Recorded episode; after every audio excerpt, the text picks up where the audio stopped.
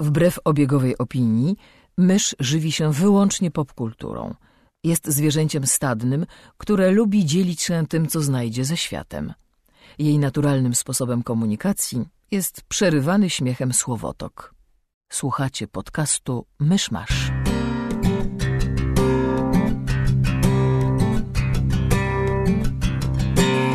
Gospodarzami podcastu Myszmasz są Krzysiek Sera, redaktor portalu Aval. Kamil Borek ze studia Kobart. i Mysz, autorka bloga Mysza Mówi. Drodzy słuchacze, jest poniedziałek 14 marca 2016 roku, urodziny Alberta Einsteina. Zapraszam na 126 odcinek podcastu Myszmasz. Wiosna, cieplejszy wieje wiatr. Co ty robisz? Zimno mi w ławki, zimno mi w ławki. Mówiłem ci, wyjdź na dwór, dzisiaj jest bardzo ciepło, słonecznie i ogólnie pięknie. No i pogoda nie ma nic wspólnego z tym, jaki ja mam problem z krążeniem. Świeża zielona Ja na trawa, razie tej wiośnie jeszcze nie ufam. Ostatnie dni były... pierwsze kwiaty, zielone listki na drzewach i krzewach. No widzę, że to jest mój pierwszy dzień w Warszawie od Nie, e, 10 dni. Ja jeszcze nie jestem gotowy zaufać. Nie dam się znowu skrzywdzić. Nie, nie, to już jest wiosna. Możesz zaufać staremu góralowi. Tak, witajcie w Myszmaszu, podcaście o pogodzie. E, witamy Was... Pogodzie sprzed kilku dni, dodajmy. Sio. E, witamy Was po e, dłuższej przerwie spowodowanej moim i Kamila lenistwem e, oraz wyjazdem Krzyśka na narty. Dobrze mówię? Dobrze mówię. E, więc e, pewnie mamy dużo do nadrobienia, w związku z tym e, dzisiejszy odcinek będzie patchworkowy. Ty to tak baga- bagatelizujesz wyjazdem na narty, a to jest, to jest narty, to jest słońce, to są góry, śnieg, sauna. Wiesz, żyć nie umierać. Fajnie było. To po cholerę żeś wracał. E, no tak, e, jakieś takie newsy większe, no dostaliśmy trailer Captain America Civil War, czy też po polsku Kapitan Ameryka Wojna Bohaterów. Dostaliśmy. I poza tym, że tym razem pokazali Spidermana, trochę tak ze świecą szukać tam jakichś nowych informacji, co jest dobre. Jakby nic nie przeszkadza mi to, że po prostu pokazali nam te same sceny, co w poprzednim zwiastunie, tylko trochę inne ujęcia. Bardzo dobre podejście moim zdaniem. No, co prawda machina promocyjna już e, coraz silniej rusza, w związku z tym co Nie no, chwilę się ruszyła pół roku temu. Nie, ale jakby mówię, że ponieważ jest coraz bliżej, w związku z tym systematycznie coraz bardziej e, przyspieszę, więc coraz więcej się różnych tam wywiadów, jakichś informacji prasowych pojawia. E, więc pewnie jeszcze nie jednego się niechcąco o filmie dowiemy. E, natomiast ja bardzo czekam, ale wciąż utrzymuję to, co już pewnie nieraz w podcaście mówiłam, to znaczy, że dla mnie Civil War to jest moment kluczowy. To znaczy, jeżeli Civil War nie wyjdzie, jako film i jako część historii, to ja jakby już spisuję MCU na straty. Nie oznacza to, że nie będę oglądać, będę, tylko jakby emoc... I, I, I will no longer be emotionally invested. no. Za tydzień Daredevil, season 2. Tak, no za dwa tygodnie Batman w kontra Superman. Tak, mamy już bilety kupione na Prima Aprilis. That's gonna be fun. no. Coś jeszcze? Naprawdę nic przez te dwa tygodnie się nie wydarzyło? Ja dużo rozmyślałem o transseksualizmie. Co? Będą zmiany w podcaście. Nie no, A rzeczywiście, były siostry wachowskie, zapomniałam. Good for them! Natomiast nie, to tak autentycznie, autentycznie, bo tak sobie pomyślałem, to jest taki truizm, że, że wiesz, kiedy pada pytanie, że czy ci geje muszą się tak wszędzie pchać i czemu tak obwieszczają publicznie, że są gejami, no odpowiedź jest, bo, bo publiczne wychodzenie z szafy pokazuje ludziom, jakby ludziom, którzy może nie znają osobiście, a może wydaje im się, że nie znają osobiście żadnych nieheteroseksualnych osób, pokazuje im, że no są, są i tyle. Natomiast e, ja odkryłem, że chociaż mam się za osobę, mm, że tak powiem, otwartą i, i w ogóle to jednak, to jednak jakieś... Ale... Nie, nie, nie, po prostu, po prostu jakieś takie tory myślenia mam, które, które stwierdzam, że wiesz... Dobra, przykład. Musisz aktywnie się hamować. Nie, nie, nie, ojej, dobra, bo zaraz, zaraz słuchacze pomyślą, że jestem jakimś bigotem, czymkolwiek. E, nie, chodzi mi o to, że E, Znaczy, ja tylko zanim dotrzę do tego, ja y, do, doskonale to rozumiem, bo ja też zawsze y, jakby... ale jeszcze nie wiesz, co chcę powiedzieć, ale doskonale nie rozumiem. Nie, znaczy, nie wiem, co chcesz powiedzieć, tylko że chciałem też powiedzieć, że e, ja mam też tak, że choć uważam się za osobę właśnie tolerancyjną i otwartą, to jakby to jest to- to jest coś nowego, jakby, że tak powiem, w moim rozwoju, jakby jak byłem, e, jak byłem młodszy, to wcale taki nie byłem, więc jakby to wymaga pewnego świadomego, świadomego wysiłku i czasami jakby pierwsze odruchy, jakie mam jakby wewnętrznie, nie zawsze muszą być, nie, zawsze są właśnie y, kompletnie tolerancyjne albo, nie wiem, No jakiś politycznie poprawne. Atawizm się włącza. Tak, ale z, nie wiem, ale y, Ale to nadal nie przeszkadza, nie, nie, znaczy, to nadal nic nie zmienia. Znaczy, jakby wewnątrz, czy to są tylko jakieś takie, nie wiem. Znaczy, Zaszłości. tak, no. No ja próbowałem powiedzieć coś innego. E, to znaczy, nie, po prostu zauważyłem, że jakby to, że jakaś osoba publiczna dokonuje, dokonuje coming outu jakiegokolwiek rodzaju, to jest jedno. Natomiast publiczna to jeszcze tak naprawdę na mnie nie wpływa. To znaczy, jasne, no intelektualnie wiedziałem, mm, tak, no, że, że płeć biologiczna nie, nie pokrywa się z, z, z e, tożsamością płciową, jak, jak, jakimi słowami się to opisuje, dobrych słów używam. Hmm, tak mi się wydaje. No tak więc, więc tam niektórzy decydują się na korektę psi i tak dalej. No, Spoko, jasne, to wszystko rozumiem. Natomiast e, jacyś osoby transseksualne jakby w życiu publicznym, e, chciałem powiedzieć, z którymi miałem do, to do czynienia, no ale jakie to jest do czynienia, jeśli wiem, że no tak, no jest Lana Wachowska. Okej, tylko że Wachowskie w tym momencie nigdy nie były dla mnie że nigdy nimi nie interesowałem, nie, nie oglądałem żadnych dodatków do Matrixa, chyba w życiu jednego wywiadu z nimi wysłuchałem, który był na dodatek kiepski. E, więc jakby kom, no kompletnie mnie nie obchodzili. Obchodziły. E, Natomiast e, nagle, znaczy nagle się zorientowałem, zaczę, zacząłem się interesować ludźmi, których, których czytam w internecie, czy, czy słucham w podcastach i tak odkryłem właśnie sztab redaktor naczelna IO9, e, L. Collins, która prowadzi podcast Int, Intuit with L. Collins. E, I to, to jest jakby dla mnie dużo bliższe, no bo, no bo czytam artykuły tej Charlie Jane Anders, słucham L. Collins e, i no i one mają ciekawą perspektywę na, na to wszystko i to jest jakby dużo bliższe dla mnie niż, no nie wiem, Lana Wachowska czy, czy, czy posłanka Grodzka.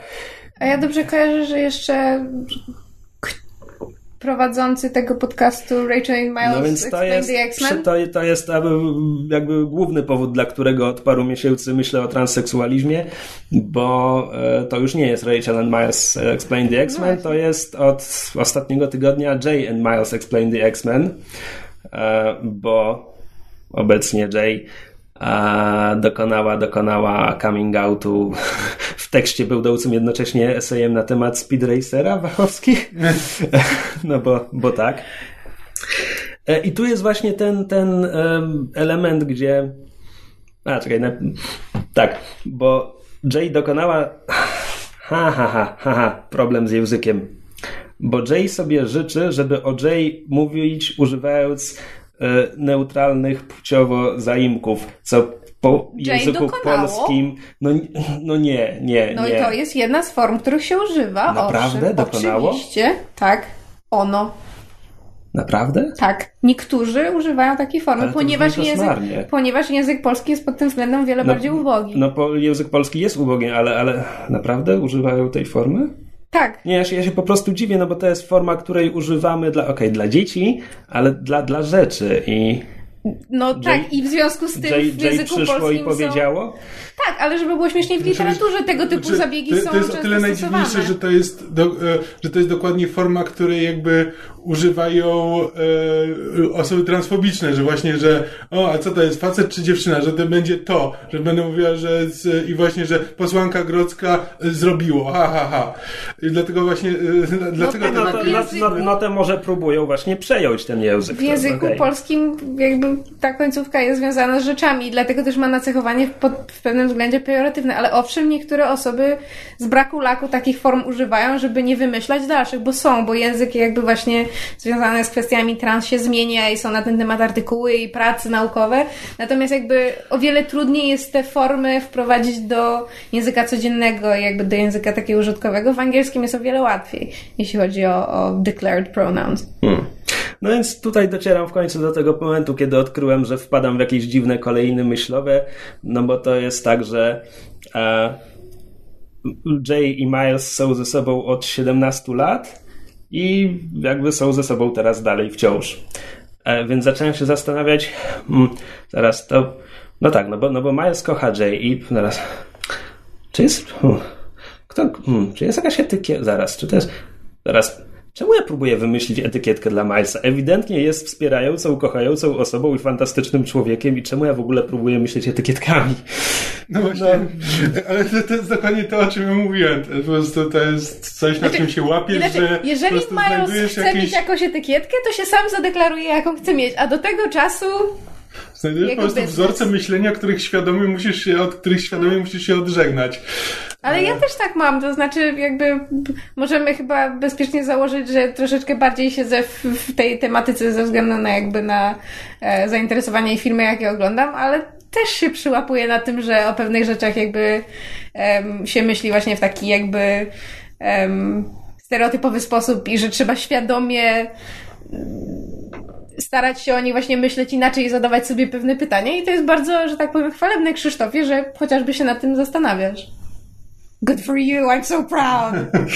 wow. A, dobrze, ale ponieważ zrobił nam się zupełnie przez przypadek podcast ideologiczny, e, to no może... Zawsze jesteśmy podcastem ideologicznym. No bo nasza ideologia brzmi... Y. E, to się wytnie. E, tak jest nasza ideologia. E, dobrze, czy jeszcze jakieś e, newsy, coś? Czemu się śmiejesz? Bo powiedziałaś, to się wytnie zaraz po tym, jak rozmawialiśmy o transseksualistach. Krzysiek!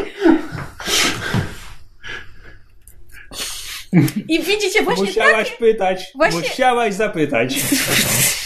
Bo ty się tak rzadko I to jest też to, o czym mówiłem, że ja tak. wiem, że to mnie nie powinno śmieszyć, ale czasami I to śmieszy. jest właśnie ten ale rodzaj to też myśli... nie znaczy, że ten dowcip trzeba powiedzieć, nawet jeśli śmieszy, albo nie śmieszy. I to jest ten rodzaj myśli, które chłopcy muszą aktywnie hamować.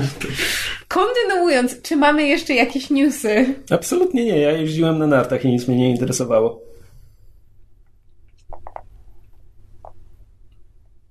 Admirable. Coś jeszcze? Chyba nie. Nic, e, agentka Carter dostanie chyba trzeci sezon, tak? Naprawdę? No, nobody knows why. Myślałem, że Hayley Atwell znalazła sobie nową robotę. Właśnie nie wiem, jak to będzie, bo tak te... No, to, to jest taka miniseria, że pewnie da się to połączyć. A y, wy to obejrzeliście do końca w końcu? Tak. Warto było? Nie. To ja nie mam zamiaru. To jest nasze omówienie agentki Carter. tak. Nie no, było, było tydzień temu, kiedy... A właśnie, było, było dwa tygodnie temu, ale się okazało, że żeśmy omawiali bez ostatniego odcinka. Ale ten ostatni odcinek był tak bardzo mech, że to... No ale nawet, nawet to, że kiedy ja stwierdziłem, e, no, że ten serial na pewno już się skończył, a wy chociaż go oglądaliście, nie byliście w stanie zaprzeczyć, znaczy, oznacza, że coś ja, tu ja, nie Ja nie byłem w stanie, bo ja byłem w połowie dziewiątego odcinka, czyli tak naprawdę nawet nie wiedziałem, ja kolei... że może on się skończy, ale nie ten. A ja z kolei powiedziałam, że jest cliffhanger, który wskazuje na to, że... Znaczy, cliffhanger w tym stylu, który raczej sugeruje, że to nie jest koniec sezonu, coś będzie dalej, więc... No ale tak, e, duże, duże, duże rozczarowanie. Albo powiedzieliśmy o trailerze e, Civil War'a, nie powiedzieliśmy nic o e, pająku. W sensie... Jest. No jest, What ale podobał, no ale nie wiem, no, o, no, na trzy sekundy, co? I could care less. Nie, bo dziwne ma te oczka. No dobrze, no. Podoba mi się, że oczka się ruszają, tylko że strasznie dziwnie wygląda to, że bo one są takie jakby bo Deadpool miał też animowane oczka, ale one ruszały Ale się one ruszały- Dobrze, z inaczej. maską. Istnieje, twarzy. istnieje teoria, że ten kostium Spider-Man dostał od Tony'ego Starka. Jako taki kostium jest mechaniczny i bardzo możliwe, że te oczka działają jak przysłona aparatu fotograficznego, co ma o tyle sens, że Peter Parker jest fotografem zamiłowania. There, koniec dyskusji. Can we move on? Już po prostu od Okej, tyle no. widziałam dyskusji na ten no, temat. to, to co powiedziałaś wydaje mi się bardzo interesujące i w tego nie słyszałem wcześniej, więc nie wiem czemu tak to zbywasz. Bo po prostu już widziałam tyle narzekań i tyle dyskusji wokół tego A ja nie kostiumu. narzekam, to po są, prostu- to są trzy sekundy, które nie mają nic wspólnego i dowiemy się wszystkiego, jak film wyjdzie. Dowiemy się, a to nie znaczy, że chciałem porozmawiać o designie kostiumu. No design jest jaki jest, naśladuje ten serial animowany z lat 60. i styl tego, jak on się nazywa, Steve'a Steve Ditko. Ditko. To przecież nic nie. Co szczerze mówiąc jest bardzo ciekawym zabiegiem w momencie, gdy cała reszta MCU bardzo odchodzi od komiksowych designów strojów. No ale może właśnie próbują robić korektę kursu, no bo no, że to MCU tak odchodziło, dopóki jeszcze to były...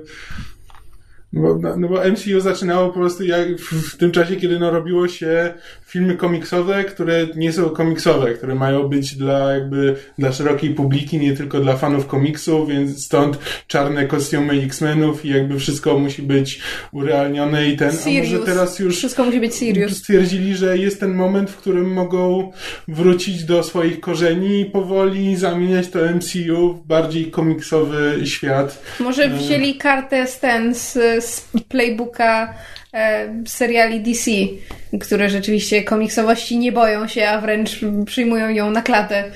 I może stwierdzili, że skoro mogą być seriale o prawda, chłopaku biegającym w obcisłym czerwonym kostiumie jako The Flash, to może Spider-Man może mieć jaskrawo niebiesko-czerwony kostium. Nie no, Takie teorie Spider- też. Spider-Man filmowy zawsze miał jaskrawo niebiesko-czerwony Nie, wiesz kostium. jak, jak porównasz sobie te czy, czy cztery już inkarnacje kostiumów były, powiedzmy? Pięć. Pięć? Pięć filmów. A, no dobra, czekaj, bo u, u, u Maguire'a się nie zmieniał zasadniczo. No, więc jak, jak porównasz, to jakby owszem, kolory były dość intensywne, natomiast jakby design i przede wszystkim też mam wrażenie oświetlenie filmu sprawiało, że one nie były rzeczywiście tak jaskrawe i tak Że żywe te bardziej takie kolory. Tak, takie, takie przygaszone Mm. były. I rzeczywiście to widać, jak zobaczysz, wiesz, bo oczywiście ludzie zaczęli, zaczęli je Znaczy, porównywać. pierwszy, pierwszy Amazing faktycznie miał taki bardzo mocny, zresztą tam też wzór, wzór kostiumu pozmieniali, Mm. a potem w drugim dali mu bardzo komiksowy. Zasadniczo chyba ten strój z drugiego Amazinga mi się najbardziej podobał.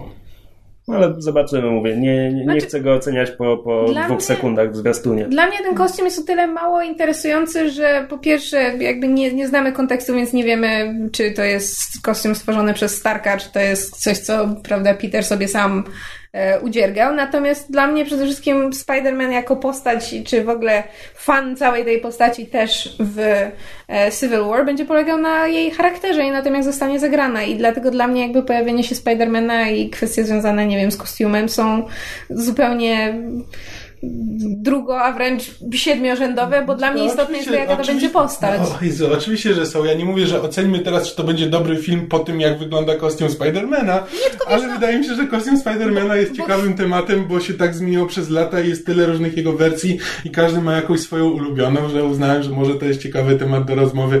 No. Znaczy Na, fo- mnie na, jest... forum, na forum Avalonu wyewoluował taki jest mem na forum z czyjejś wypowiedzi dawno temu właśnie kostium jest beznadziejny, film będzie klapą.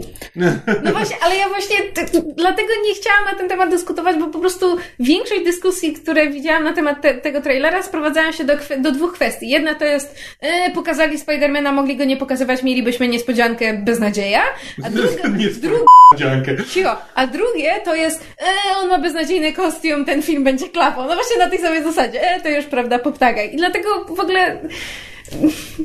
Znaczy, ja wiem, że ja sama mam tendencję do nad, nadinterpretacji i rozdmuchiwania małych szczegółów do jakby bardzo dużych, prawda, afer i tak dalej, ale w tym momencie to po prostu już ręce mi opadły. Poczekajmy na film, zobaczymy. Wtedy podejmiemy decyzję, czy to jest dobre, czy złe, czy za dużo CGI, czy za mało, czy słusznie zmienili, czy niesłusznie. No. Czy jeszcze mamy jakieś newsy? Naprawdę nic się przez te dwa tygodnie nie wydarzyło? Mówię, ja miałem bardzo szczątkowy dostęp do internetu i nie interesowałem się po prostu. Miałem co innego do roboty, więc nie patrz na mnie. Ja próbuję sobie przypomnieć, ale też mi nic z tego głowy nie przechodzi i to jest wstydliwe. Wstydliwe, nagrywamy od 20 minut. Potrzebujesz, żeby ten segment był jeszcze dłuższy? Nie, ale myślałam, że coś rzeczywiście ważnego się wydarzyło, co żeśmy ominęli i że wypadałoby o tym wspomnieć, no. Pojawił się zwiastun filmu Smoleńsk? O, Nie widziałem go. nie oglądaj. Ja- myślałam, że ludzie przesadzają, kiedy mówili, że po prostu wstrząsienia mózgu od facepalmów, a potem obejrzałam.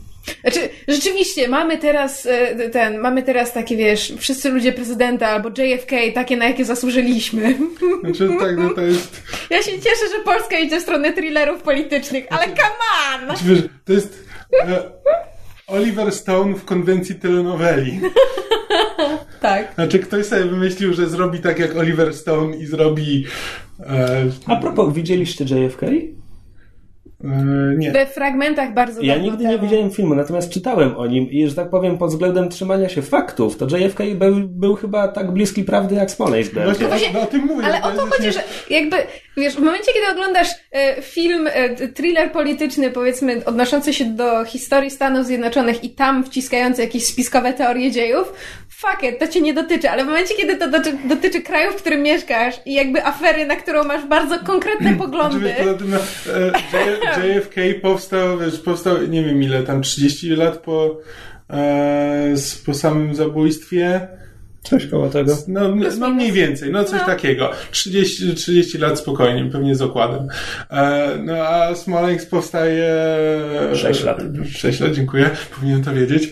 E, i w bardzo konkretnych realiach politycznych, tak, nazwijmy to. to jakby tak, ciężko, ciężko się od tego odciąć. Jakby sam, nie przeszkadza sam fakt istnienia tego filmu. Ale jednak kontekst jest nie do pominięcia. A mnie się tak strasznie podobało, oczywiście mówię to sarkastycznie, strasznie mi się podobało w trailerze, w pewnym momencie pojawia się jakiś, nie wiem czy to jest amerykański dziennikarz, czy ktoś, w każdym razie e, jest jedna, jedna, jedna postać, e, tam dwie linijki mówi po angielsku i wiesz, są napisy w trailerze. I bardzo mnie śmieszy takie, wiesz, podejście prawdopodobnie, nie wiem, e, twórców filmu, czy montażysty, czy kogokolwiek na zasadzie, ojej, ten ktoś mówi po angielsku, na pewno ma rację.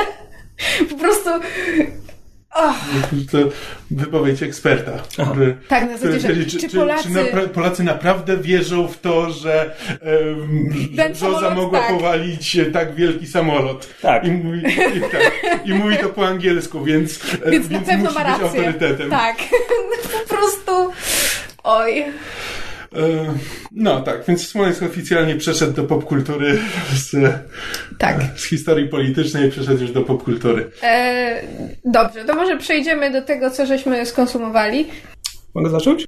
Możesz. E, ostatnio widziałem, że na Facebooku ktoś nas określił jako podcast, który czasem bywa komiksowy, więc żeby, żeby zasłużyć na to miano, e, przeczytałem... No przepraszam, w, w poprzednim odcinku mówiliśmy o Wiżonie. No to prawda, to prawda.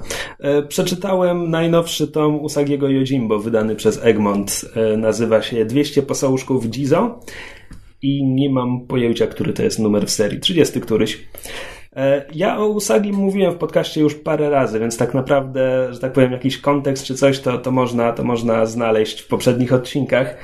E, No bo że tak powiem, jestem fanem serii i jestem fanem tego, co Stan Sakai tutaj robi. Stan Sakai, przypomnijmy, jest Amerykaninem japońskiego pochodzenia i tworzy od 30 lat z okładem serię o króliku samuraju w feudalnej Japonii zamieszkanej przez antropomorficzne zwierzęta.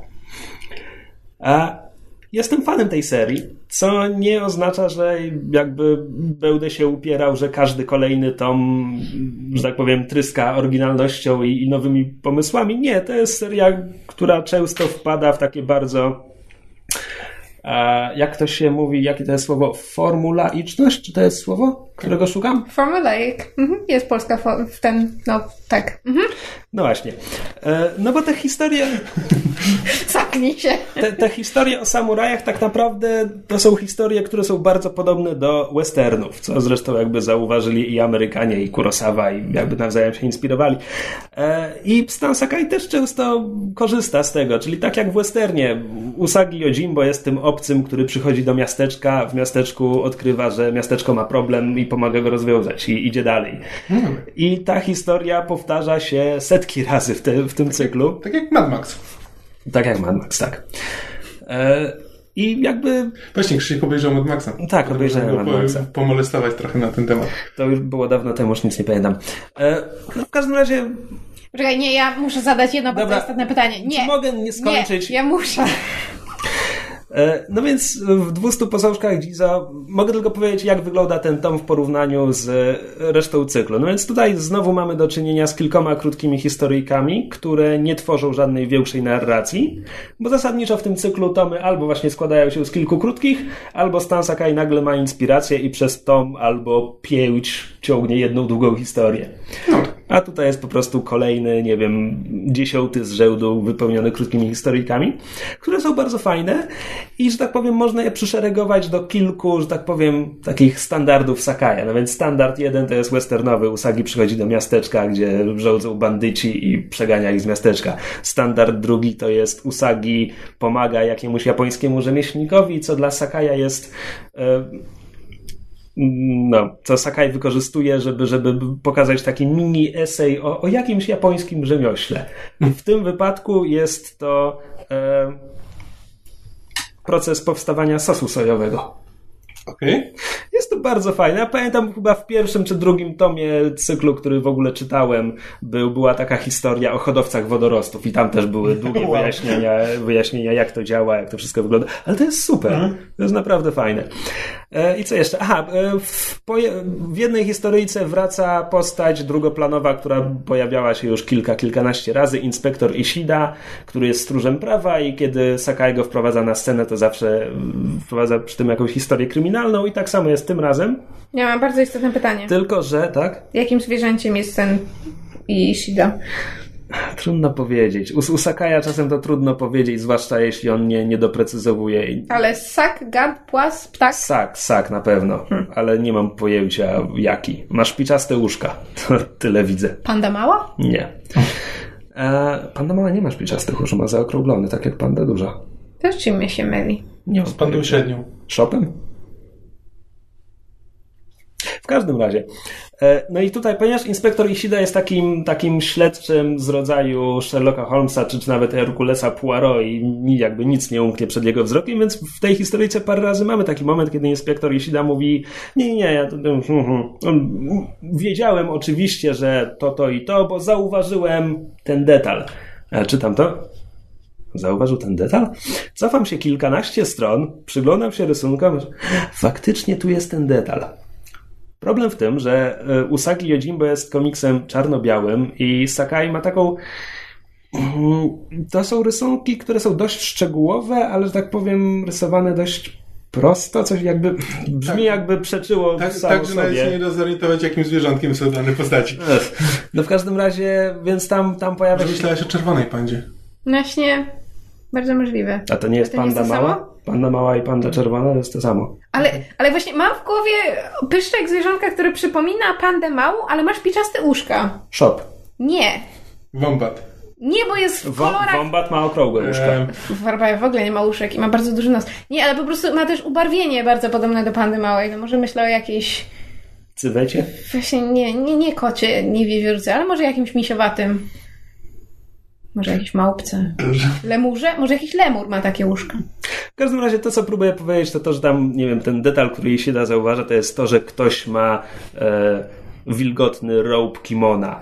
No i faktycznie tam na dole kimona są jakieś kreski, kreski. No ale zorientować się, że chodzi o to, że to jest mokre, a nie, że to jest cień, no, e, tak trochę to nie działa. Ale to jakby absolutny detal. Poza tym jest to kolejny bardzo przyjemny tom, bardzo przyjemnego cyklu i po prostu niespecjalnie się różni od poprzednich 30, ale to jest też część uroku tej serii. Ty czytasz po angielsku czy po polsku? Po polsku. Jak jest tłumaczone? Dobrze? Bardzo dobrze. Jest świetnie tłumaczone. E, Dużo Usagiego, nie jestem pewien czy całą serię, ale wydaje mi się, że bardzo dużo tłumaczył Grzałdowicz. I robi to bardzo dobrze. Bardzo fajne, y, bardzo fajne onomatopeje mm, wstawia. Uwielbiam odgłosy jedzenia w Usagi Miedzimbo. No bo taki mlask, mlask to jest, to jest banalne, ale tam się pojawia ćmach, ćmach na przykład. To jest super, naprawdę jest Ciąg, super. ciąg. szmach. Chyba mam tytuł odcinka. Nie, ja tak pytam o tłumaczenia, bo ostatnio znowu jakby kwestie tłumaczeniowe mi krążą po głowie, bo i, i oglądałam ten e, zdubbingowany trailer właśnie do Civil War i tam e, Tony Stark jak krzyczy na Spidermana, żeby się pojawił, to w polskiej wersji językowej for some reason krzyczy siusiu majtek. Znaczy, no czekaj, no bo Anderus to nie jest, to nie jest marka bielizny dla dzieci? No to na polski, przełóż mi to na polski. No ale nie siusiu majtek, no to jest trochę co innego. Trochę. Przełóż mi to na polski, autentycznie. Ale nie przełożę ci tego teraz. A poza tym wróciłam do czytania tej fatalnie przetłumaczonej książki kryminalnej, którą mi Kamil kupił na urodziny, czwarty tom serii mojej to ukochanej. Że to jest taka seria o policjance mm, Lacey Flint, to jest autorstwa S.J. Bolton, tylko teraz od paru, paru lat z jakiegoś powodu mm, ten zmieniła i zaczęła występować pod, pod pełnym imieniem, więc jest Sharon Bolton. Um, i trzy pierwsze tomy, ponieważ ja pierwszy tom kupiłam tacie i kupiłam na Boże Narodzenie, więc kupiłam po polsku. I przeczytałam z ciekawości, wiesz, z duszą na ramieniu, myśląc sobie, a na pewno będzie kiepsko przetłumaczone, po czym było fantastycznie przetłumaczone. I stwierdziłam, że skoro zaczęłam czytać tę serię po polsku, to będę kontynuować. I kontynuowałam i bardzo, bardzo, bardzo dobrze mi się te książki czytało, były świetnie przetłumaczone. I tak przynajmniej pierwsze trzy tomy, natomiast teraz w czwartym tomie zmienili tłumacza i ja po prostu cierpię. Kamil widzi, że ja, e, że, że ja po prostu tr- trzymam już tę książkę z Tak, ołówkiem. Moim, moim ulubionym teraz zajęciem, e, z- za przeproszeniem w toalecie. Tak, bo ja położyłam tę e, książkę w toalecie. Tak, jest przeglądanie książki, jakby nie czytanie jej, tylko po prostu przeglądanie zakreślonych, e, zakreślonych fragmentów e, tłumaczenia przez myszę. No bo na, na stronie są, ja podkreślam przeciętnie 10 rzeczy. I to od, wiesz, literówek, y, że tak powiem, które powinien wyłapać, nie wiem, edytor, czy korektor, czy ktokolwiek, po rzeczy typu, że e, przy, brzegu rzeki skoncentrowały się zabójstwa na małych dzieciach. czy coś takiego. I po prostu siedzę i czytam jest takie... No nie, to z jednej strony to nie jest błędne, ale z drugiej strony na pewno nie jest poprawne. I po prostu jest tak fatalnie przetłumaczone, że ja cierpię straszliwie. Jestem dopiero na Rzeki hasały 80. małe zabójstwa. Od, od, dopiero przy 80. której stronie. Czytam tę książkę chyba od trzech miesięcy i po prostu położyłam ją w kiblu specjalnie po to, żeby się zmuszać do tego, że jak nie mam co czytać, to ją otwieram i czytam, bo mi zależy na tym, żeby się dowiedzieć, co będzie dalej, ale cierpię tak strasznie. I to będzie chyba jeden z tych niewielu przypadków, kiedy ja po prostu potem zeskanuję tę książkę z tymi zaznaczeniami, wyślę to do wydawnictwa pod tytułem ba- bardzo mi przykro, ale nie. tak się tego nie robi. Wiesz, złota gwiazdka z napisem You tried. To stąd moje pytanie o tłumaczenie, po prostu ostatnio mi ten temat znowu chodzi po głowie. No, najwyraźniej przedobrzyłem i 200 posążków Giza to jest dopiero 29 tom serii. A, widzisz. E, I też się upewniłem, że faktycznie Grzełdowicz e, przekładał Królika. E, I jeśli dobrze rozumiem, bo jest na Wikipedii jest dwóch tłumaczy, jest Jarosław Grzełdowicz i Jarosław Rybski. Jeśli dobrze rozumiem, Jarosław Rybski tłumaczył te tomy, które wydała Mandragora, czyli 1.7, bo w oryginale wydawało je inne wydawnictwa. Potem od ósmego tomu to było Dark Horse i Egmont miał umowę z Dark Horse'em. A potem z jakiegoś powodu, wiele lat po upadku Mandragory, wydał jeszcze raz pierwsze dwa tomy, ale tylko pierwsze dwa. Więc wciąż jest pięciotomowa luka, którą trudno uzupełnić. Przeciwne. No. No, To, to już wszystko, co ja miałem do powiedzenia o króliku. A, a myśmy z Myszą byli w tym, w, w tym czasie, kiedy ciebie nie było na dużej ilości filmów. Bo mamy wreszcie Cinema City Unlimited. Tak.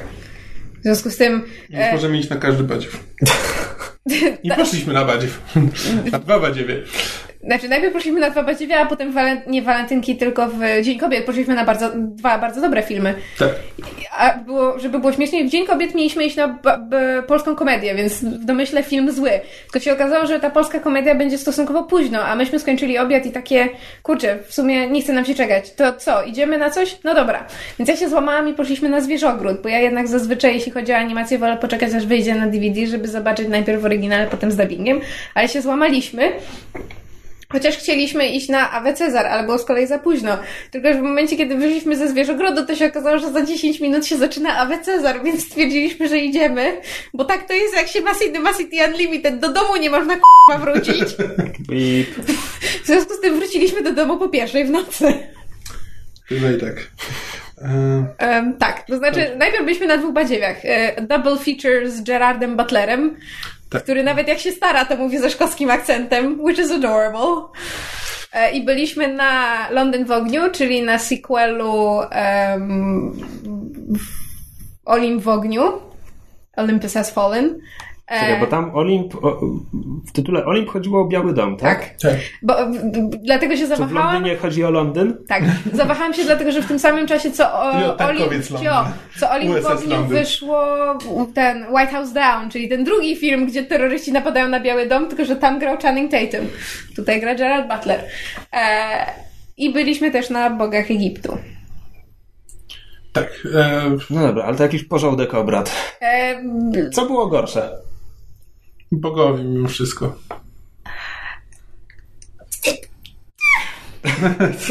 Znaczy inaczej, London Has Fallen ma tę przewagę, że jest lepszy niż swój oryginał, to znaczy to jest... to- It's not saying much, bo to nadal jest bardzo wyrobniczy Znaczy, to, jest film. tak, to jest niesamowicie głupi film. Znaczy, jeśli ktoś tam idzie, jeśli ma zamiar wytykać dziury w logice, O to myśmy spędzili E, cały film to wytykając dziury tak, w logice. e, jeśli to mu przeszkadza jakby w odbiorze, jeśli to jest e, wada dla kogoś, że tam są dziury, dziury w logice, no to... Zarysujmy, zarysujmy fabułę, bo to jest tak.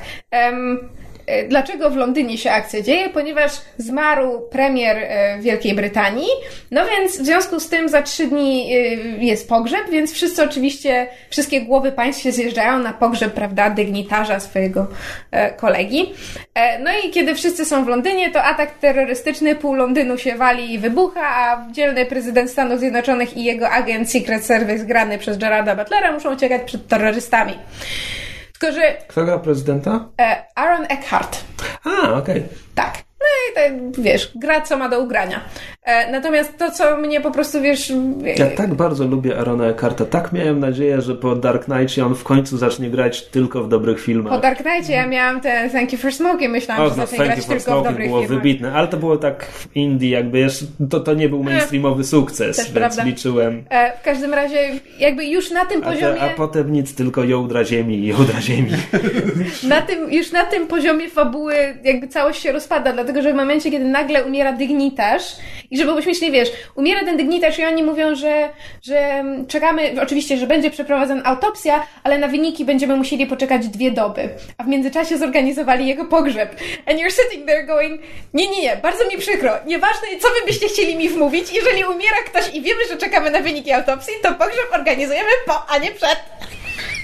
No bo po prostu, oczywiście wyniki, w wynikach autopsji się okazuje, że to był sabotaż, że on został zamordowany, że go otruto. I jest takie, nie, serio? Naprawdę? Znaczy, film tym, że jest... Znaczy, film jest rozrywkowy i bardzo fajnie się go ogląda, choć też... e, Przez cały czas takim... e, Miałem wrażenie, że jednak jest tam taki podtekst... e, Ameryka, a, Amerykacacy, wszyscy inni B. Znaczy, To, to, jest, to jest normalne, to wiesz, to naprawdę nie, tylko że jest taki podtekst jednak mocno islamofobiczny, bo e, no bo jak już dochodzi do tego całego zamachu, to e, spo, pośród, spośród policjantów ochraniających wychodzi, wychodzi kilku a- Arabów, e, którzy zaczynają strzelać, strzelać do cywilów. E, w, e, pośród strażników e, pałacu Buckingham, tych z wielkimi czapami, dwóch wychodzi z karabinem i zaczyna strzelać do cywilów. Biali? Nie. Wszy, wszyscy po prostu wszędzie. I zabijają, i zabijają e, ten premier e, Niemiec, która tam stała pod pałacem Kanclerz. Buckingham, kanclerz, przepraszam, która e, zadziwiająco przypominała swoją e, real world, że tak powiem, ten odpowiedniczkę. Z, czego, tak. z jakiegoś powodu polska publiczność się bardzo z tego śmiała. Znaczy, No, pre, prezydent Włoch też jakby przypominał e, e, Berlusconiego bardzo Tak. mocno. E, Berlusconi jest teraz E, prezydentem premierem, Włoch? premierem, premierem. Ale nie, nie jest, tylko że premier Włoch jakby w tym filmie A, przypominał okej, Berlusconiego. Jasne, jasne, jasne. E, Jedyny premier Włoch, którego ktoś potrafi tak, dokładnie. E, no, w każdym razie e, jest tam taki podtekst, że e, że ci muzułmanie są wśród nas i, I bójmy się. i tak, i co jeśli, co jeśli nagle wyskoczy na ciebie muzułmanin za krzaka z Ale karabinem? Kurczę, przecież można pozostać islamofobem i zrobić film, w którym to będą biali konwertyci i o ile to jest groźniejsze wtedy i przynajmniej można zaskoczyć widza, że o, to nie ten brązowy jest zamachowcem. Hmm. Znaczy wiesz co, inwencji w tym, w tym no, fobicznym. wiesz co, film próbuje być, e, znaczy bardzo próbuje być, wiesz, sprytny, dlatego że to nie są, wiesz, to nie są islamscy terroryści, tylko to są e, podwładni jakiegoś tam, e, on nie, nie pamiętam, czy on jest nie z Filipin, tylko Znaczy, z... W każdym razie- Handlarz, handlarz handlarza bronią, bronią. który handlował z terrorystami, a Amerykanie sprze- ale- wysadzili e, wesele, na którym była jego, nie wiem, córka. Tak, czy... zmarła jego córka, czyli Tak. wiesz, na zasadzie kobietę wsadzimy do lodówki i jej motywacja dla zemsty. Tak, więc to jest jakby bardzo osobista motywacja, to nie jest jakby te, terrorysta, tylko po A prostu... właśnie, a właśnie miałem zapytać, kto gra głównego złego i czy jest Brytyjczykiem. Nie, nie. Nie, Nie tym razem. Nie, nie, nie. Natomiast e, to, co mnie jakby. mm, Znaczy, co dla mnie było zaskakująco pozytywnym aspektem filmu, to było to, że jakby w, było w nim sporo kobiet i jakby, jakby w, rolach e, drugoplanowych, czy nawet bardzo często, wiesz, bez, bez tekstu, bez dialogów. Natomiast w momencie, kiedy większość filmu to jest albo Gerard Butler i Aaron Eckhart biegają po upustoszałym, bardzo ładnie nakręconym Londynie, to im trzeba przyznać, e, albo masz sceny, wiesz, jakiś tam... Tak, Londyn w- wybucha bardzo majestatycznie. nie, ale wiesz, nawet te opustoszałe ulice bardzo ładnie były jakby nakręcone, natomiast y, w momencie, kiedy masz, nie wiem, na przykład em, biuro, wiesz, kryzysowe, biuro za zarządzania kryzysowego w Londynie, czy biuro, y, ten, e, Metropolitan Police w, w Londynie, czy biuro tam, wiesz, gdzie, gdzie zastępcy prezydenta w Stanach się martwią, o, prezydenta nam porwali buchu, to jakby tam w tle jest bardzo dużo kobiet, co jest w sumie niespotykane, bo jednak pierwszym instynktem, kiedy masz sceny z dużą ilością wojskowych, dużą ilością urzędników państwowych i dużą ilością policjantów, nie jest to, żeby wrzucać tam kobiety. I w sumie dla mnie to było takie ciekawe. Zupełnie jak, wiesz, tak bez, bez... Znaczy, było to tak naturalne i tak oczywiste, że zwróciło moją uwagę, if that makes sense. Prze przebudzenie mocy przetarło szlaki. Tak. Że tak, y, I sceny akcji były super nakręcone, Tak, zwłaszcza właśnie- finałowa. Znaczy, finałowa scena akcji jest fajna, znaczy mi się bardziej podobała właśnie scena, w której oni podchodzą dopiero pod ten budynek, w którym będzie się odbywał finał. No tak, no ja właśnie o tej jest- scenie mówię. O to mi chodziło. A, no to już o tym do finału kawałek został wtedy.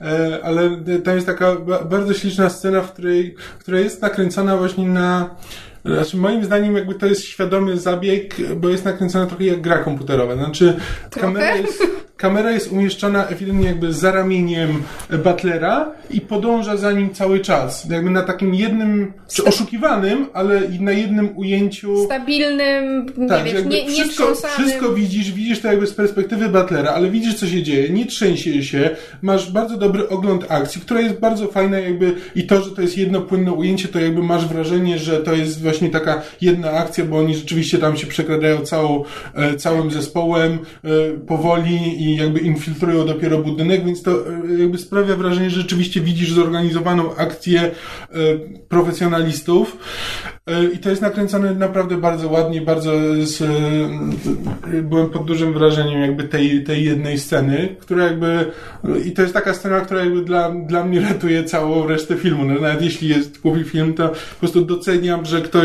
robi film akcji i przykłada się do do pokazania tej akcji, bo jakby za dużo, za dużo już było po, po Bornach, za dużo było ludzi, którzy próbowali naśladować Borny, nie wiedząc właściwie jak to zrobić. Bo No jeszcze dobra, w Bornach to czekaj. było w miarę okej, ale... A bo, bo skoro rozmawiamy o bardzo głupim filmie z fajną akcją, no to gdybyś miał porównać ten Londyn w ogniu, tak jest polski tytuł, do Johna Wicka.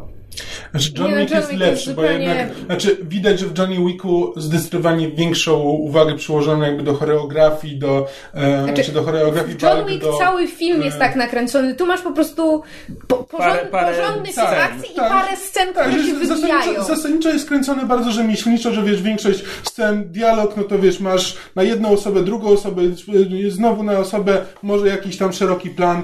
Taki wiesz, bardzo, bardzo rzemieślniczo przez większość, ale sobie jest parę takich scen, które są... Znaczy, e, ja zauważyłam, że jak na film akcji bardzo wiele się rozgrywało w zbliżeniach na twarzy bohaterów i to takich stosunkowo jakby nietypowo bliskich, przynajmniej z mojego punktu widzenia.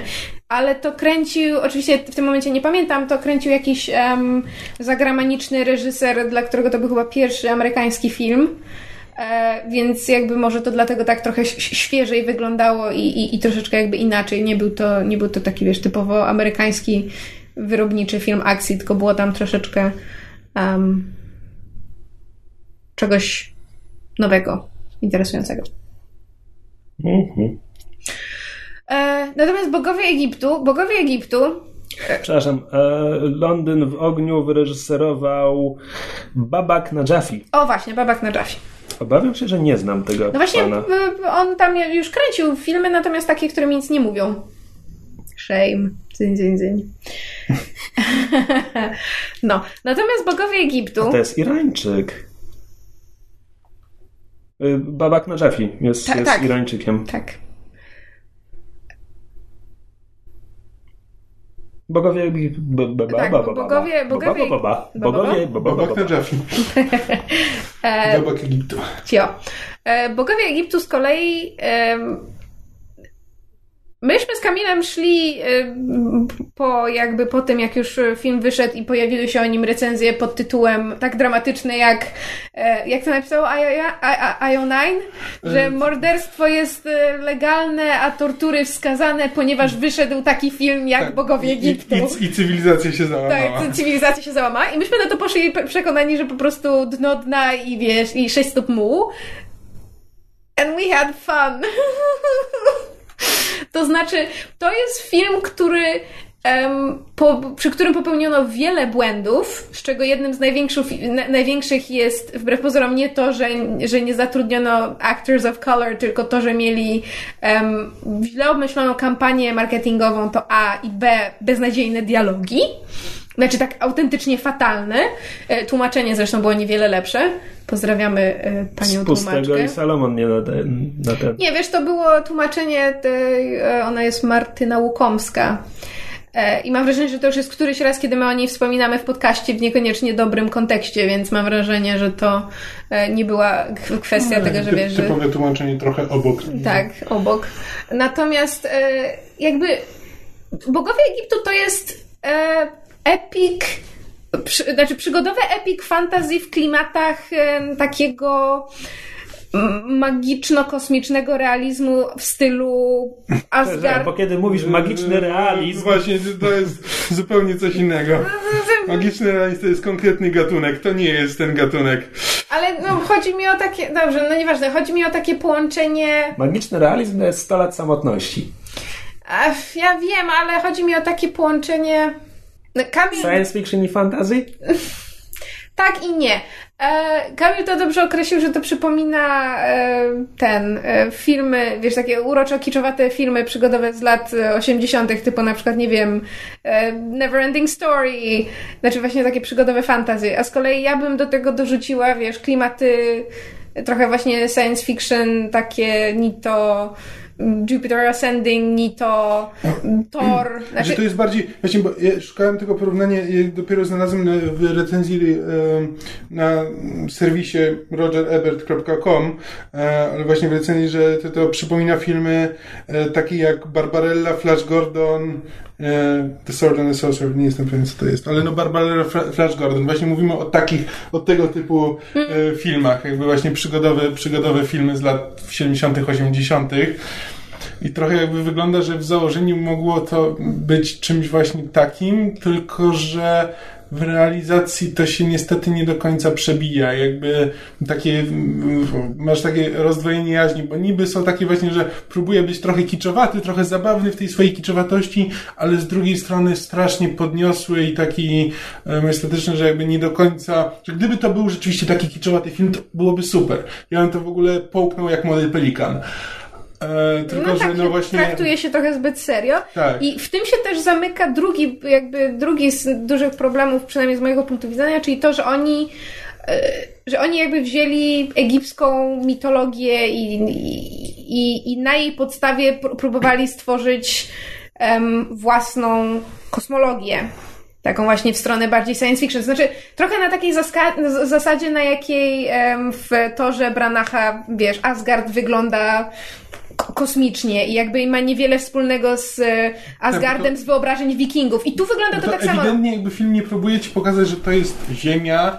I że to jest nasz starożytny Egipt. 15 To nie jest Exodus, bogowie i królowie, czy co to tam było. Tylko to jest po prostu jakiś alternatywny świat w alternatywnej rzeczywistości. Jeszcze w dodatku mamy w którymś momencie ujęcie, które pokazuje cały ten świat i on jest płaski. Znaczy, on on jest, ja, miałam, ja miałam skojarzenia Okej. z Pratchettem, to znaczy wiesz, tak jak świat Pratchetta, świat dysku jest jest, prawda, na tych słoniach z żółwiem i tak dalej, to tu jest trochę podobnie, to znaczy na zasadzie, że... Znaczy, bo tu warto powiedzieć, że to jest film Alexa Ka- e, Proja, projas? Projasa, Projasa. e, który stworzył na przykład Dark City. I Crow. Tak, i Crow, więc jakby on tutaj gdzieś tam pró- widać te prześwity właśnie tego reżysera, jakby właśnie na przykład w tej budowie tego świata i właśnie w tym, że e, jakby udajemy Egipt, ale to nie jest Egipt, tylko to jest jakby osobny świat, który No jest, po prostu to jest, jest... kosmiczne fantazy, bardzo silne, podstawie- inspirowane mitologią starożytnego Egiptu. No dobra, czekaj, a jeszcze powiedziałeś, że jednym z błędów była zła kampania marketingowa. Bo- Co masz na Kampania myśli? powinna się właśnie na tym skupić, że to jest taki, Że to jest, że to science jest, kos- fiction. Że to, jest kos, że to jest przygodowe fantasy science fiction, a ten aspekt science fiction nigdzie się nie pojawia, w związku z czym ludzie oglądając trailer i podchodząc do tego filmu widzą tylko e, jakby starożytny Egipt, tylko że z bogami, z CGI. No nie no, jakieś tam mecha zbroje były i piaskowe czerwie plujące ogniem. No tak, no ale oni to biorą na, na, zasadzie, dlaczego trailer do tego filmu jest idiotyczny? Ponieważ trailer próbuje nam wmówić, że w starożytnym Egipcie były wielkie czerwie Aha. pustynne, mecha zbroje i tak dalej.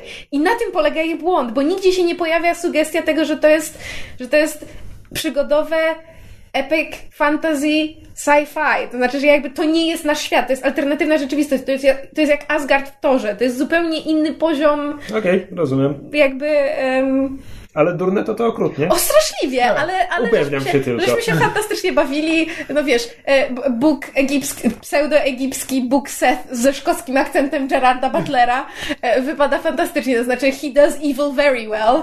Bardzo dobrze się przy tym bawił, chyba nawet lepiej niż przy Londyn Pokniu.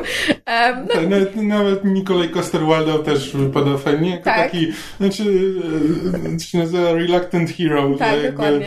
zostaje- Niechętny bohater. Tak, no, że zostaje pokonany przez tego seta, ale tak naprawdę to on by się po, tym, po, po tej porażce najchętniej zaszył we własnym grobowcu i, I zostaje, z niego nie tak. wychodził, ale zostaje z niego wyciągnięty jakby siłą, żeby odnaleźć swoje oczy, znaczy oko w tym momencie. Bo on jest Horusem. Tak. Znaczy, e, I jakby, i, i I dlaczego... jeszcze, e, i jeszcze ten, e, Rufus, Rufus Sewell jako egipski architekt. No tak. Nie ma, niemal ale- rodem z Asterixa, znaczy mógłby, mógłby grać jest. złego architekta w Asterixie spokojnie. Kim jest Rufus Sue? Em, czekaj, kojarzysz e, Obłędny Rycerz? E, pojedyncze sceny. Znaczy to jest e, Ten zły z Obłędnego Rycerza. Joaquin Phoenix z kojarzę. Okej. E, ale wiesz co, bo jakby ten Musisz, aspekt, musisz go kojarzyć, jak ci go pokażę to...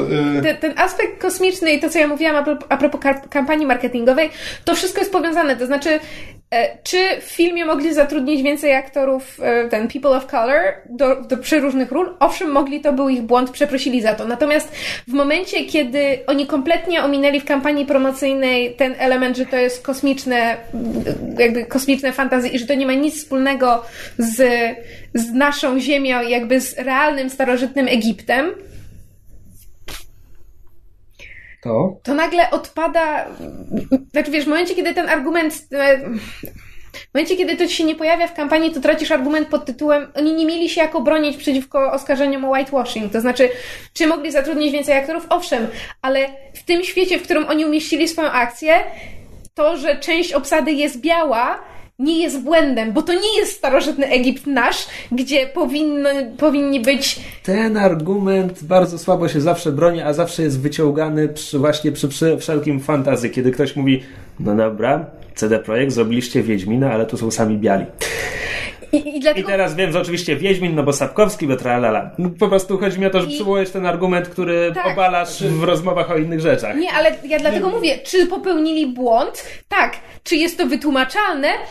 Debatably. Nie, tylko, że to nie jest jakby błąd wtedy, to nie jest e, błąd merytoryczny, że film się dzieje w starożytnym Egipcie A, dobra. i, jest, A oni- e, i nie ma tam Egipcjanów. a oni tylko wybielają tylko to tylko? jest zwykły argument o tym, że nie ma różnorodności pośród obsady. Tak. Dobra. E, Znaczy, mogłaby być większa no tak, w tak. ten sposób. E, no. W każdym razie myśmy się, myśmy się zaskakująco dobrze bawili. Poszliśmy do IMAXa na 3D, było śmiechowo. E, e, ogromny sfinks m- mówiący w polskim tłumaczeniu o brachu mnie strasznie wybawił. A po angielsku, znaczy nie dosłyszeliśmy, jesteśmy przekonani, że było nie oh brother, tylko oh bother. I ja mam po prostu w głowie wizję Sfinksa Poko- puchatka. poko- pokonany Sfinks, który gdzieś tam zostaje wciągany do jakiejś własnej czarnej, czarnej dziury i który mówi oh bother. Absolutnie kuriozalne. E, no. Natomiast z dobrych filmów byliśmy jeszcze na innym double feature, to co wspominałam na początku, czyli Zwierzogród, e, to jest angielski tytuł Zoopolis. Nie, Zootopia. Zootopia. E, I na Awe Cezar, braci Coenów. Bo ja raz na parę lat robię kolejne podejścia do Coenów, licząc na to, że w końcu się przekonam. I co, w końcu się No. przekonałaś? Znaczy, em, em, cierpiałam mniej niż zazwyczaj podczas filmów Coenów i bawiłam się zaskakująco dobrze, natomiast to wciąż nie jest moja bajka. E, Chociaż po, po tym, jak parę dni temu obejrzałam sobie e, ciągiem kilka filmików z tej serii e, Every Frame a Picture. Painting? A. Painting. A painting.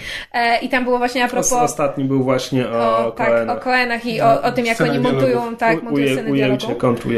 E, I, I to jakby sprawiło, że I, see it now. Nabrałam troszeczkę więcej szacunku, natomiast to wciąż nie jest moja bajka. Bo, mo- Oglądałeś? moim zdaniem to się sprawdza dlatego, że mysz się doszukuje za dużo głębi wśród y, uboju. Nie, nie ma. No właśnie o to chodzi, że to są proste historie, jakby, a mysz szuka tam właśnie tego geniuszu. Próbowałaś obejrzeć Bracie, gdzie jesteś? E, nie, ale zamierzam razem z Fargo, bo to są te dwa przyjemne. filmy, które jakby są chyba Że decydujące. Fargo jest świetny, Bracie, gdzie jesteś jest dziwny, ale urokliwy. Ja widziałam fragmenty i słyszałam jakby ścieżkę dźwiękową, więc y, mniej więcej wiem, czego się spodziewać, natomiast muszę jeszcze obejrzeć. E, to może najpierw e, ten Awe Cezar. E, to jest rzeczywiście, znaczy, jeżeli jakiś film Coenów miałby mi się bardzo spodobać, to chyba właśnie ten ze względu na, prawda, na realia związane z biznesem filmowym w latach, że mnie skłamała 40. Um, i jakby całą otoczkę ze względu na obsady i, i że, że tam się pojawia Channing Tatum i ma scenę taneczną i jakby to wszystko jest takie... Znaczy, bardzo fajnie od, obdziera te, te właśnie te takie jakby złote lata mm, Hollywood z tego, prawda, blichtru, który się, e, który, który, w którym się przyjęło go pokazywać, jakby pokazuje takie codzienne życiowe problemy i wiesz, problemy codzienne tego, jak to jest prowadzić studio jak trzeba, wiesz, tasować różnymi aktorami, umowami, reżyserami, jak to wszystko wygląda. Znaczy, głó- Główny bohater jest iście Daredevilowski, bo jakby poznajemy go, poznajemy go w konfesjonale. E, Znaczy jest, jest jakby zagorzałym katolikiem, który ma e, bardzo dużo jakby wyrzutów sumienia na, na temat różnych, różnych rzeczy i e, ma jakby w tym, znaczy w momencie, w którym go poznajemy ma jakby kryzys kryzys nie wiary, ale e, wiary we własne możliwości i tego, czy jest w stanie dalej prowadzić to studio, czy to już go przerasta w tym momencie. Myślałem, że to będzie kliknięcie. No i, i gra go Josh Brolin. Zresztą bardzo dobrze go gra. E, i, a poza tym, oprócz jakby tej, tej em, części właśnie związanej z prowadzeniem studia i z codziennymi problemami, problemami z tym takim kryzysem em, jakiegoś takiego celu życiowego em, właśnie tego bohatera Josha Brolina, no to mamy ten jakby drugi wątek porwania e, wielkiego aktora granego przez George'a Clooney'a i e, komunistycznego spisku. Tak. E, No i e, jakby te. Wątek tego właśnie komunistycznego spisku dla mnie jest absolutnie kuriozalny i trochę. Właściwie mogłabym go wyciąć z filmu, gdyby nie to, że puenta na sam koniec jest absolutnie histeryczna. E, Za to bardzo, bardzo mi się podobał właśnie ten wątek Josha Brolina i jakby wszystkie postaci, które on w trakcie swojego em, dnia codziennego spotyka. Znaczy, to, znaczy, to jest właśnie film bardzo podobny do, e, w konstrukcji do Braci, gdzie jesteś. Znaczy, to jest po prostu jakby taka mm, podróż bohatera przez różne dziwne sytuacje, w których poznaje różne dziwne, e, dziwne postaci Wiesz, bracie, bracie, gdzie jesteś, to jest retelling Odysei. E, A czekaj, czy to jest czysta komedia, czy... zasadniczo tak. Okej. Mm, Czy, no, z, nie no, no zdecydowanie, zdecydowanie jakby no, tak, na tyle czysta komedia, na ile Coenowie kiedykolwiek robią czyste komedie, no. No tajne przez poufne było jakby... No, tak, było takie, ale poza tym było czystą komedią bez... No to to jest zabawniejsze. Znaczy, wiesz, no tam zawsze jest taki lekki mroczny, mroczny podtekst, no, czy, no, czy, czy w tajne przez poufne nie, nie, nie nie rozwalają ten... No i ja, jakieś trupy się ścielą, no ale... tak, no. No ale no, no to... Po, no to tutaj względem... zamiast trupów masz na przykład scenę tańca z musicalu. E, natomiast bardzo mnie ujął, oczywiście nie pamiętam jak on się nazywa, e, on się nazywa, czekaj, Alden Ein, Einrich, Eichenrich, ma jakieś takie przedziwne nazwisko. Myśmy przez cały film z Kamilem się zastanawiali, skąd go kojarzymy, bo jest młody aktor, który ma bardzo specyficzną, taką intrygującą urodę. On nie jest klasycznie przystojny, tak, ale jest bardzo ciekawy. Dana Dihana. Tak, to jest właśnie ten sam, typ, ten sam typ urody. On gra w filmie takiego młodego e, aktora, grającego głównie w, w, w westernach, który jest, wiesz, takim...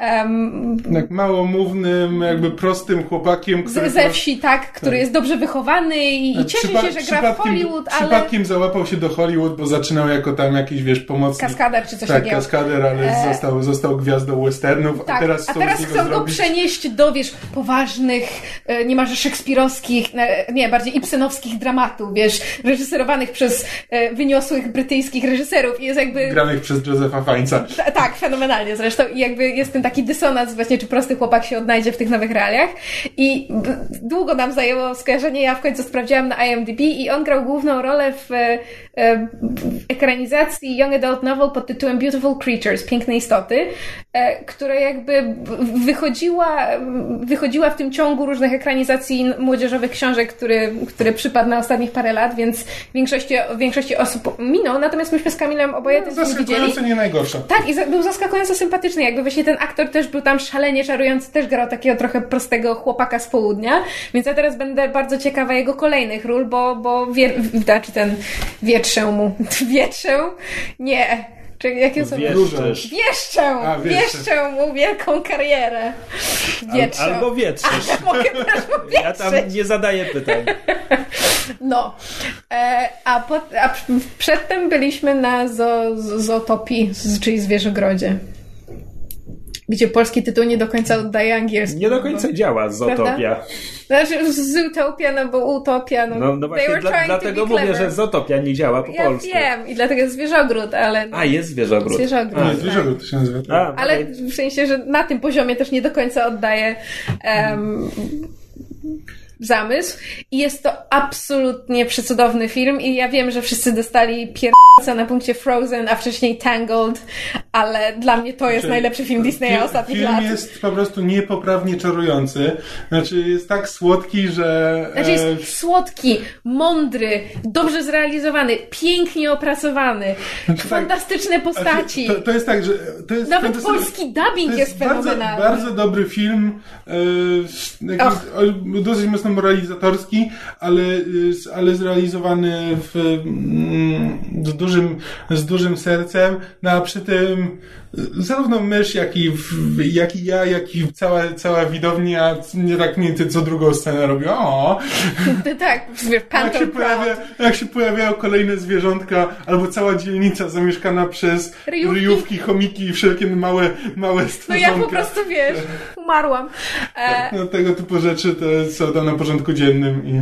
Ale rzeczywiście rozumiem już totalnie, co, co Megu z, z bloga Katus Gikus i też parę innych... E... Black Sad dla dzieci? Black dla dzieci, tak, bo to jest, to jest historia detektywistyczna opakowana w, w taki troszeczkę e, ten, historię, e, wiesz, przyjaźni dwóch e, nietypowych postaci, opakowana jeszcze w, właśnie w moralitet na temat tego, że, że wiesz, osądzanie po pozorach jest złe, że stereotypy są złe, że e, wiesz, dyskryminacja jest zła i tak dalej. I, I to jest jeszcze wszystko opakowane w moralitet pod tytułem Nie bój się marzyć, podążaj za marzeniami. Więc jest po prostu, wiesz... To już nie Black Sad. nie, oczywiście, no dlatego jest dla dzieci, ale jakby jest tak tak dobrze zrealizowany, że ja nawet, ja w połowie filmu zaczęłam Kamilowi mówić, co się dalej wydarzy i po prostu przewidywałam na zasadzie, ta osoba się okaże tym, tutaj będzie taki twist, zaraz wróci ten element, bla, bla, bla. I mimo, że za każdym razem miałam rację, to nie było takiego uczucia, że e, okazało się, że miałam rację bez sensu, bo film jest przewidywalny, bo każda rzecz była, to jest po prostu tak moim zdaniem spójny i logicznie rozplanowany film pod względem fabuły, że jakby nie mogę, nie mogę mieć pretensji o to, że go przewidziałam, bo po prostu to ma ręce i nogi, jest fantastycznie zrealizowane, a jeszcze ma, jest opakowane w tak piękną animację i design tych wszystkich zwierzątek, ich charaktery, i polskie tłumaczenie, i polski dubbing są fantastyczne. I wcale nie żałuję, że, że go widziałam w polskiej wersji językowej, co nie zmienia faktu, że w angielskiej też obejrzę, no bo tam podkładają głosy Jennifer Goodwin i, i Jason Bateman i Idris Elba, więc jest sporo, sporo bardzo fajnych głosów. Więc wszystkim polecam Zwierzogród. Macie dzieci, nie macie dzieci, idźcie, bo jest naprawdę fantastyczny i będziecie się świetnie bawić. Po prostu już nieprzyzwoicie uroczy i fajny film. Jej! Ja sobie czytam różne rzeczy. Różne rzeczy. E, zacząłeś od dziwniejszej czy od normalniejszej książki? Na co masz ochotę, Marzu? Dziwne czy normalne? Ja? Zawsze na dziwne. Zawsze na dziwne. Dobra, więc przeczytałem bardzo niedawno Aquaforte autorstwa pani KJ Bishop. E, inicjały KJ Bishop. Nie, ja wiem, wiem, tylko brzmi znajomo. Widzisz, ja też myślałem, że brzmi znajomo, a potem stwierdziłem, że pomieszała mi się z panią bądź panem KJ Parker. Um, Hmm. KJ Bishop trudno, żeby ci brzmiała znajomo, bo to było kolejne moje zaskoczenie, to jest jej jedyna powieść. Aha. Ona poza tym pisała jakieś opowiadania, a do tego maluje. Hmm. No i Aquaforta jest, e, została wydana przez wydawnictwo MAG w ramach Uczty Wyobraźni, więc od razu wiemy, Uczta Wyobraźni to nie będzie tuzinkowa fantastyka.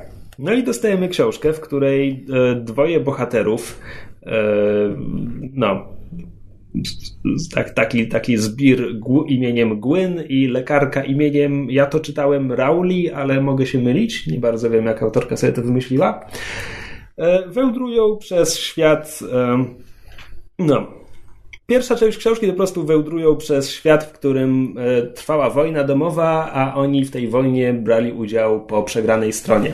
Więc teraz ciągle mają jakieś problemy, czy, czy inne takie, muszą się chować i tak dalej. I ta część to jest, to jest western. Znaczy oni idą przez krainę. To nie jest do końca dziki zachód, to jest dziki zachód przemieszany z jakąś Saharą, bo tam są karawany wielbłądów i tak dalej. Ale to. No i to jest oczywiście w wymyślonym państwie, się dzieje w wymyślonym świecie.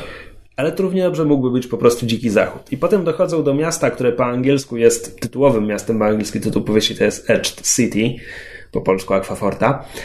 E, I to miasto z kolei równie dobrze mogłoby być Orleanem, znaczy Nowym Orleanem, kiedy jeszcze tam handlowano niewolnikami, bo handel niewolnikami jest jakby jednym z tematów powieści.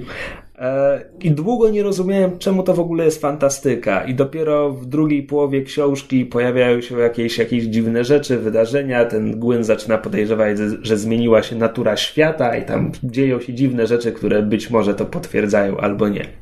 Książka jest o miłości, o źle i dobrze, i o tym, że dobre jest mało, a zła dużo, o sumieniu i jego braku. Więc jakby tematyka jest głęboka. Opisane jest to barwnie. To znaczy. Twoja mina po prostu warta tysiąca słów. Bo, bo to, to jest ładnie napisane, ale co jakiś czas autorka szaleje. I w momencie, kiedy jest mowa, co to było? Eee, co to było, co to było? Dobra, nie przypomnę sobie dokładnych słów, ale chodziło o porównania w rodzaju e, papuga szaleństwa, czy... To brzmi jak jeden z naszych tytułów. No mamy, właśnie. tytuł, mamy tytuł odcinka, dziękujemy. No właśnie, więc czasami zdarzają się zgrzyty. Poza tym, to jest, to jest powieść, która. Tam oczywiście czasami ten Gwyn kogoś zabije, więc, więc są jakieś tam starcia, ale to jest wszystko.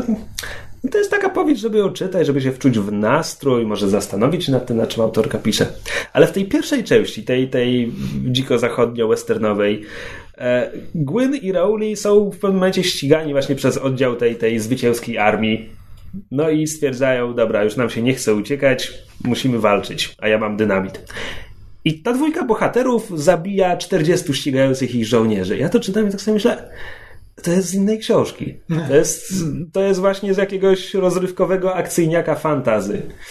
Ja zresztą też e, ten, uś, uśmiałem się, bo Gwyn zasadniczo, jakby go wyjąć z kontekstu tej powieści, to Gwyn jest takim bohaterem, z których nabija się Michael, że, to jest typowy polski bohater fantazy, czyli e, ten cynicznie się uśmiecha, jest złośliwy, A, tak. sardoniczny, ale oczytany i inteligentny i kobiety na niego lecą i po prostu jest zabijaką, któremu żaden nie dorówna No i tak, tak tak. dalej. No ale wpis, wpisany w kontekst tej powieści, zwłaszcza, że kiedy mówię, że to jest powieść o miłości, to właśnie Gwyn się powoli zakochuje i to tam to działa. To jest bardzo dziwne połączenie, ale to działa. I szczerze mówiąc, bo przeczytałem książkę i potem zacząłem czytać w internecie o książce, o autorce i byłem szalenie zdziwiony tym, że, że to jest jej jedyna powieść. Znaczy, musiała wcześniej dużo tych opowiadań napisać. No, to, to nie jest powieść debiutantki. Pomijając scenę, kiedy dwójka bohaterów zabija 40 żołnierzy. No, jakby Abstrahując. abstrahując, tak. Więc Aquaforta jest dziwna, ale warto. Dziwna, ale warto. A poza tym przeczytałem kolejną książkę Roberta Harri- Harrisa. Jeszcze raz. Przeczytałem kolejną książkę Roberta Harrisa, czyli autora, autora Widmo. Autora, autora. E, I tym razem wybrałem Pompeję. Pompeja jest bardzo zgrabnym thrillerem. E, Zgadnijcie, czego dotyczy. Nigdy się nie domyślicie. Więc główny bohater. Kapusty. Główny bohater jest inżynierem od akweduktów w starożytnym Rzymie i właśnie trafił na nową placówkę e, do bodajże Miseny czy Misenum, która jest miastem sąsiadującym z Pompejami. Nie e, przed, przed oczami miałem po prostu scenę, w której właśnie ten architekt trafia do jakiegoś nowego miasta i e, rozmawia z kimś i mówi, że no, ma nadzieję tutaj osiąść i żyć, żyć spokojnie i kamera się w tym momencie odjeżdża i widzimy, widzimy nazwę miasta Pompeje. Blisko, bo Harris podzielił książkę na cztery części. Każda część odpowiada jednemu dniu i nawet podtytuły tych części to są dwa dni przed erupcją, dzień przed erupcją, pierwszy dzień erupcji, drugi dzień erupcji. Więc jakby od początku wiadomo, czym to się skończy. A mimo to zaczyna się i przez dwie trzecie książki to jest właśnie taki bardzo klasyczny thriller, który, który kojarzył mi się, szczerze mówiąc, kojarzył mi się trochę z Chinatown, bo, bo w Chinatown też tajemnica dotyczy wody. A tutaj rzecz polega na tym, że akwedukt się psuje i woda przestaje płynąć, a trwa susza, jest tam koniec sierpnia, no więc nasz in- inżynier od akweduktów musi sprawdzić, co się stało, a w ogóle jego poprzednik na tym stanowisku zniknął w tajemniczych okolicznościach. Oczywiście. Tak, a do tego, a do tego w okolicy jest e, wyzwolony niewolnik, który został milionerem, bo po trzęsieniu ziemi kupował tanio nieruchomości i sprzedawał z zyskiem i tak dalej. I oczywiście jest zamieszany w mnóstwo brudnych interesów, ale ma piękną córkę, która wpada w oko naszemu inżynierowi. Jakby naprawdę upo- Wow. No tak, to jest, to jest same klasyczne motywy, tylko że wpisane w starożytny Rzym i wpisane w to miasto, które wiemy, że za moment zostanie zniszczone. Czekaj. Sounds like Spartacus. 10-10 would watch. To, to jest bardzo fajne połączenie. Tylko, że jakby w tej drugiej części, no jednak siła natury bierze górę. No i oczywiście, że bierze górę, tak? Ma tak być. Bierze się nawet z góry. Haha. E, tylko, że e, jakby ta, ta intryga, która, którą dotąd obserwowaliśmy, no, no kompletnie traci znaczenie w obliczu wybuchu wulkanu. Tak, właśnie No. zastanawiałem, że to że Tak, więc roz... musi być... Miałkość ludzkiego że, życia. Że to, że to musiało być jakby, musiało być ciekawie przeprowadzone, żeby pomyśleć sobie, że u, ta intryga nawet po wybuchu będzie miała reperkusje w- z ten. E, No że- nie, nie bo ma. Inaczej, no to okej, no zdradzą się. I tak wszyscy skończą jako żywe posągi. No, książka pokazuje ci, jaka jest miałkość ludzkiego życia i problemów, na które wiesz. Ojej, no napotyka. śmiejesz się, ale tak, taki No, był ale, zam- ale bo ja próbuję Kamilowi powiedzieć. Nie, no rozumiem, że w, w obliczu wybuchu wulkanu ludzkie intrygi jakby są No tak. jak W intrygi każdym, razie, w każdym razie jest to skrapnie napisane, konstrukcyjnie, jest krótkie, bo to jest 320 stroniczek, czyta się bardzo szybko. Szczerze mówiąc, chciałbym, żeby było jeszcze ze, ze 100 stron, żeby tam rozwinąć parę rzeczy, zanim ten wulkan wybucha. E, Harris... Ale natury nie opuści. Tak, tak, tak. Ha- Harris poza, poza Pompejami napisał trylogię o Cyceronie, z której czytałem tylko środkową część, była bardzo fajna. Nie pamiętam jaka była kolejność, czy najpierw zaczął pisać Cycerona, a potem Pompeję, czy najpierw napisał Pompeję. No w każdym razie siedzi w starożytnym Rzymie, więc jakby te wszystkie lekcje odrobił. Okazja, żeby przeczytać pierwszy tom Cycerona. E, no tak, miałem, miałem nawet taki plan niedawno. E, wciąż go mam. W każdym razie, e, więc lekcję odrobił, ten świat przedstawia bardzo fajnie, tylko konstrukcja postaci jest taka trochę znaczy, no bo mamy tego, tego złego milionera i wiemy, że on jest złym milionerem, no bo jest skorumpowany i korumpuje. Jakby to by wystarczyło. A, a Harris... Ale jeszcze zabija psa. No nie, nie, no ale na przykład każe rzucić niewolnika na pożarcie murenom. Is he a Bond villain? No... Starożytny Rzym, co zrobisz? Nie, ale wpisuje go w jakąś strasznie dziwną, dziwną grę erotyczną ze starszą kobietą, która była żoną jego właściciela i ktoś... I, i to jest takie jakby niepotrzebne. No to jest już takie, mamy złego, jak zrobić go jeszcze gorszym. Okej, okay, tak. Pokazać jak zabija psa. Podsumowując, to jest bardzo zgrabnie napisana książka i po prostu po prostu Harris tak ma. On bardzo szybko czyta się jego książki e, i ten. No wciąż uważam, że autor Widmo wyszedł mu najlepiej, a ten Waterland gdzieś na drugim miejscu pewnie bym postawił. Ale Pompeja jest bardzo przyjemna. Hmm. Mówiłem kiedyś w podcaście o Waterlandzie? Nie jestem pewien, czy to jest polski tytuł. No. To jest e, historia, historia alternatywna o Europie, w której e, trzecia Rzesza wygrała II wojnę światową. I teraz są lata 60., ale to jest, to jest opisywane jako jedna z najbardziej realistycznych wizji takiego świata, bo tam nie ma, że Hitler podbił świat. Nie, no Niemcy zajęły wschodnią Europę, a państwa zachodnie są sat satelitami wokół niego i um, no i to też jest thriller, kryminał, gdzie główny bohater jest dobrym Niemcem, to znaczy on brał udział w wojnie, ale był na okręcie podwodnym, więc nie miał szans popełnić żadnych zbrodni wojennych. A teraz... I found the loophole! No właśnie, tak.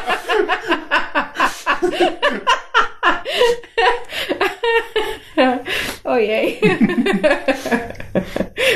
O, to bardzo sprytny zabieg, nie powiem. No, w każdym razie podsumowanie jest takie, że Robert Harris pisze fajne thrillery, które się szybko czyta i każdy sobie coś znajdzie, czy to starożytny Rzym, czy historię alternatywną, czy e, Francję XIX-wieczną z aferą Dreyfusa w tle. E, w tle, to jest temat książki.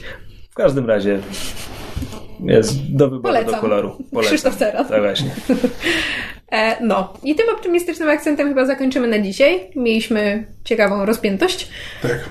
Możecie zaglądać do komentarzy, bo zaczęliśmy ten y, odcinek, czekaj, zaczęliśmy ten odcinek od rozważań na temat y, transwes, y, znaczy, transseksualizmu, o, no. E, transseksualizmu, potem mówiliśmy dosyć niepochlebnie o Smoleńsku. Nie, o zwiastunie, o zwiastunie tak. mówiliście niepochlebnie. E, okay, dobrze, no, po, drodze, po drodze był Kapitan Ameryka i tak, niepochlebny Spider-Man i jego kostium. O islamofobicznych wątkach w, w, w Londyn w ogniu. Potem więc o whitewashingu w starożytnym Egipcie. Tak, więc w komentarzach może być ciekawie. A na koniec, co się a będzie działo. A na koniec byli jeszcze furyści. no. E... Jakieś bingo można z tego zrobić. Na pewno. E, tak, więc to tyle od nas na dzisiaj. W przyszłym tygodniu możliwe, że będzie jakaś praca domowa? Krzysztofie? W sensie, że w przyszłym tygodniu ją zadamy? Nie no, w sensie, że zadamy sobie w tym tygodniu i w przyszłym tygodniu będziemy ją omawiać. A. Dowiecie się na pewno z, z ten fanpage'a będziemy zamieszczać, jak już ustalimy, co wspólnie oglądamy, czy w ogóle coś wspólnie oglądamy. E, dziękujemy Wam za uwagę. Mamy nadzieję, że miło Wam się słuchało i do usłyszenia w przyszłym tygodniu. Pa, pa! Na razie. Cześć. Słuchaliście podcastu Myszmasz. Możecie nas znaleźć na myszmasz.pl lub polubić nasz fanpage na Facebooku. Możecie nam także wysłać maila na myszmaszpodcast.gmail.com Jeśli do nas napiszecie, będziemy szczęśliwi jak ryjówka po wyjściu od fryzjera.